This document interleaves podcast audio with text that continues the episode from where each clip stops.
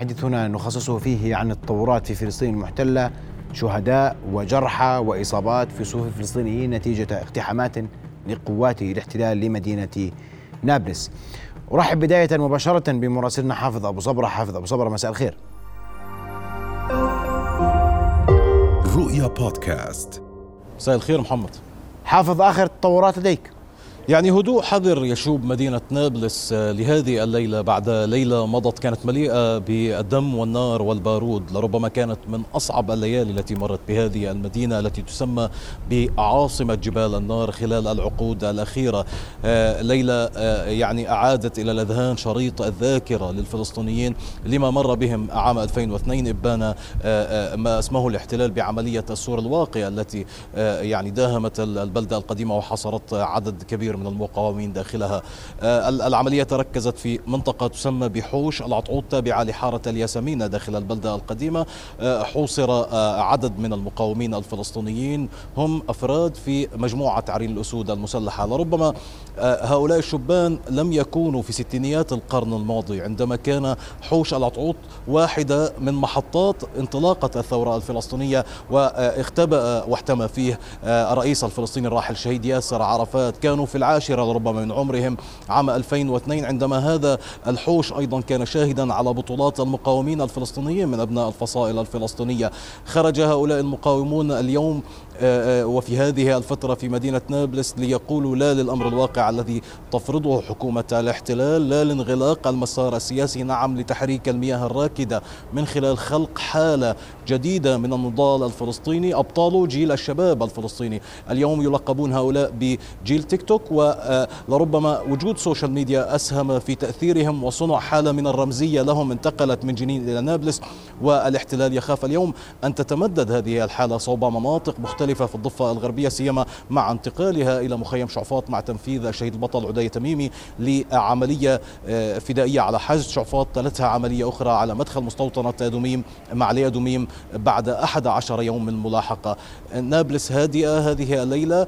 فيما تنتظر مسير جر... مصير جرحاها. 32 جريحا في مستشفيات المدينة. أربعة منهم ما زالت آه، بحالة الخطر الشديد. في مودع الظهر اليوم في موكب مهيب لربما هو الأكبر خلال السنوات الخمسة عشر الأخيرة. شارك فيه أكثر من 25 ألف مواطن فلسطيني في آه، تشييع جثامين شهداء. خمسة ارتقوا منذ آه، ما بعد منتصف الليلة الماضية حتى فجر هذا اليوم. من بينهم وديع الحوح وهو آه، أحد أبرز مقاتلي عرين الأسود ومن مؤسسي هذه الجماعة المسلحة هنا في البلدة القديمة في نابلس بالإضافة إلى أربعة شهداء آخرين بينهم أحد أفراد ومقاتلي عرين الأسود أيضا.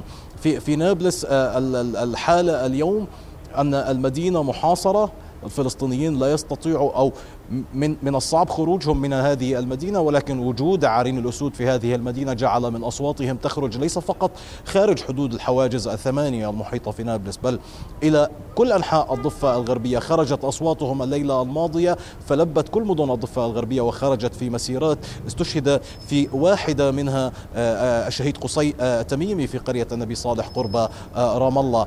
صوت عارين الأسود وأهالي نابلس خرج الليلة الماضية فلبته غزة هذه هذه الليلة بمسيرات ليلية خرجت في مختلف أنحاء القطاع. صوت عرين الأسود يصل عبر مواقع التواصل الاجتماعي إلى مختلف أنحاء العالم حتى أنه وصل إلى الدول الأوروبية. طلبة الجامعات يناقشون فيما بينهم أسماء ورموز فلسطينية تشكل الحالة النضالية الجديدة من بينها الشهيد إبراهيم النابلسي الذي شكل صوته صدى في كل أنحاء العالم.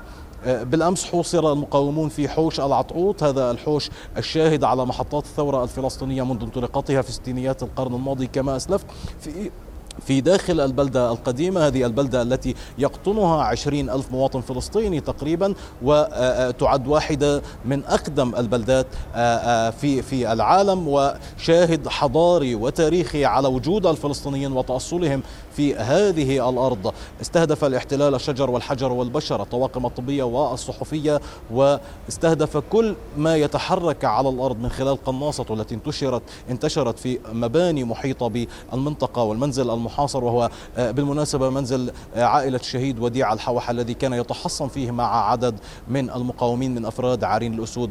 في في صفوف المقاومين المحاصرين كان نعم. هناك. عدد من الإصابات الطفيفه عولجت وخرجت من المشفى محمد فيما استمرت المواجهات حتى انسحاب الجيش مع فجر الليلة الماضية.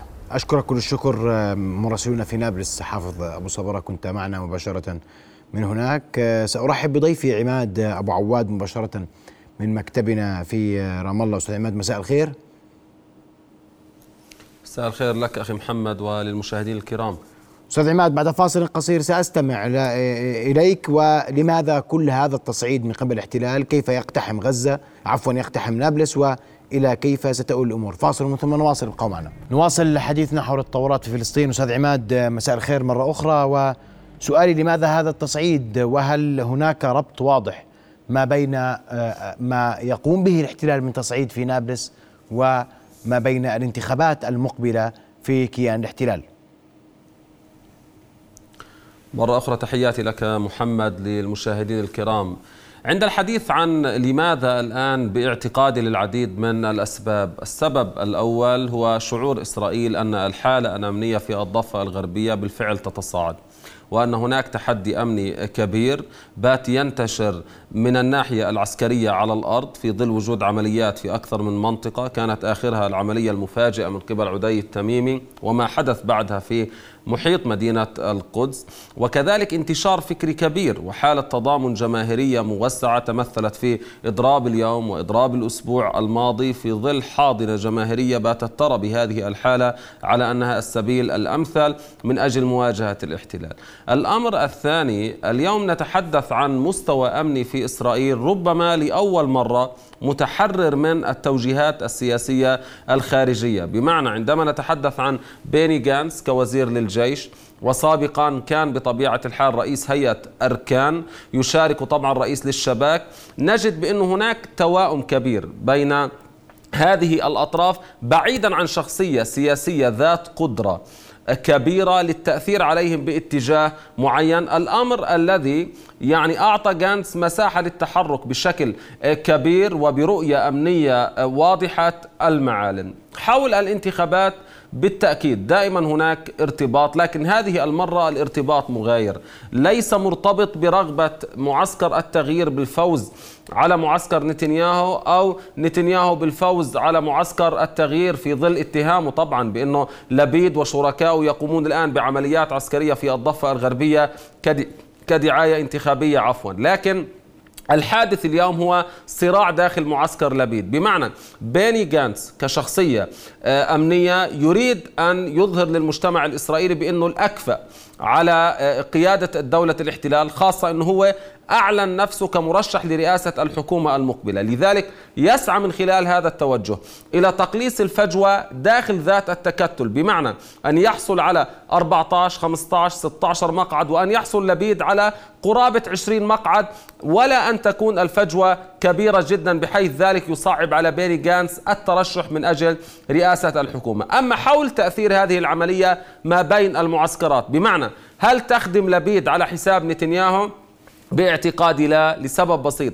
الانقسام اليوم في إسرائيل بات بنيوي متجذر بشكل كبير مخترق لكافة الشرائح والقطاعات في دولة الاحتلال. تيار نتنياهو يريد نتنياهو بأي ثمن وتحت ربما أي ظروف حتى لو كان ربما نتنياهو أسوأ في إدارة الدولة والعكس صحيح فيما يتعلق بمعسكر التغيير. هذا الانقسام البنيوي الكبير يجعل أي قضية غير مؤثرة بشكل مباشر على آه، الانتخابات خاصة إذا ما تحدثنا عن الضفة الغربية التي مارس فيها نتنياهو ذات السلوك الذي مارسه بطبيعة الحال ويمارسه لبيد ومن قبله نفتالي بنت أي لا تغيير ما بين القيادات الإسرائيلية في التعاطي مع الضفة الغربية. الأمر الذي يعني أن الضفة الغربية كذلك ليست أولوية في نظر الناخب الإسرائيلي إنما هناك أولويات أكبر. وأهم لم يحسن نتنياهو إدارتها بحال أفضل من لبيد ومن قبله نفتالي بنت.